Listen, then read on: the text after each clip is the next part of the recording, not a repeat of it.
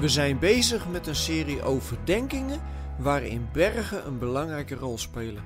Ze komen in de Bijbel vaak voor. Een berg staat natuurlijk symbool voor van alles: sterkte, duurzaamheid, eeuwigheid, standvastigheid. En beklimmen en afdalen kun je lekker dubbelzinnig uitleggen en toepassen op je eigen leven. Een van de bekendste bergen in de Bijbel is de berg Sion, de top van Jeruzalem. Daar staat ook de tempel als symbool van Gods aanwezigheid. Je moet er dus naartoe klimmen, zoals de pelgrims optrekken naar Jeruzalem. Als je naar de plek gaat waar Gods aanwezigheid wordt gevierd, moet je natuurlijk wel even naar een ander niveau stijgen. In Openbaring wordt ook veel over de berg Sion gesproken meestal in tegenstelling tot andere bergen. Daarvan wordt gezegd dat die zullen wankelen in de crisis, maar dat de berg Sion standvastig blijft, omdat God daarmee is verbonden. Interessant om onszelf af te vragen wat nu het symbool is van Gods aanwezigheid in jou en mijn leven. Misschien heb je iets aan de muur hangen met een Bijbeltekst erop.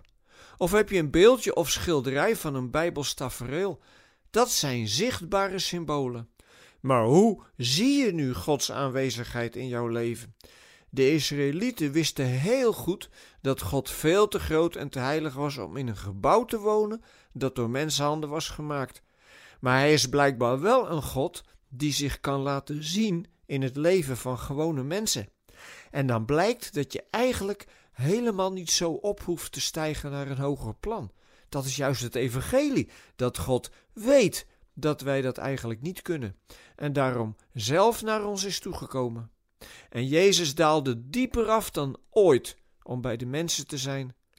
Misschien kun je Gods aanwezigheid juist wel opmerken doordat je net als Hij de mensen in het oog hebt die het allemaal niet zo goed redden in het leven. Gods aanwezigheid zichtbaar maken, dat is met je poten in de blubber durven staan. Mooie kerkelijke verhalen zijn ook fijn hoor. Je kunt er door getroost en bemoedigd worden. Maar wat doe je ermee in de praktijk? Kost het geloof jou iets? En dan bedoel ik niet de vrijwillige bijdrage aan de kerk of gemeente. En ook niet wat je geeft aan de collecte bij de voordeur. Maar kost het evangelie jou iets doordat je bijvoorbeeld voor jezelf moet concluderen dat je sommige dingen beter niet kunt doen terwijl je ze wel graag zou willen doen? Gewoon omdat je weet dat God daarin niet aanwezig is.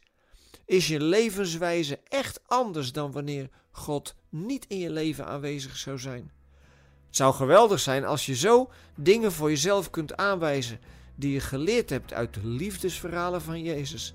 En het zou nog mooier zijn als mensen door jouw handelen heen het handelen van God zien.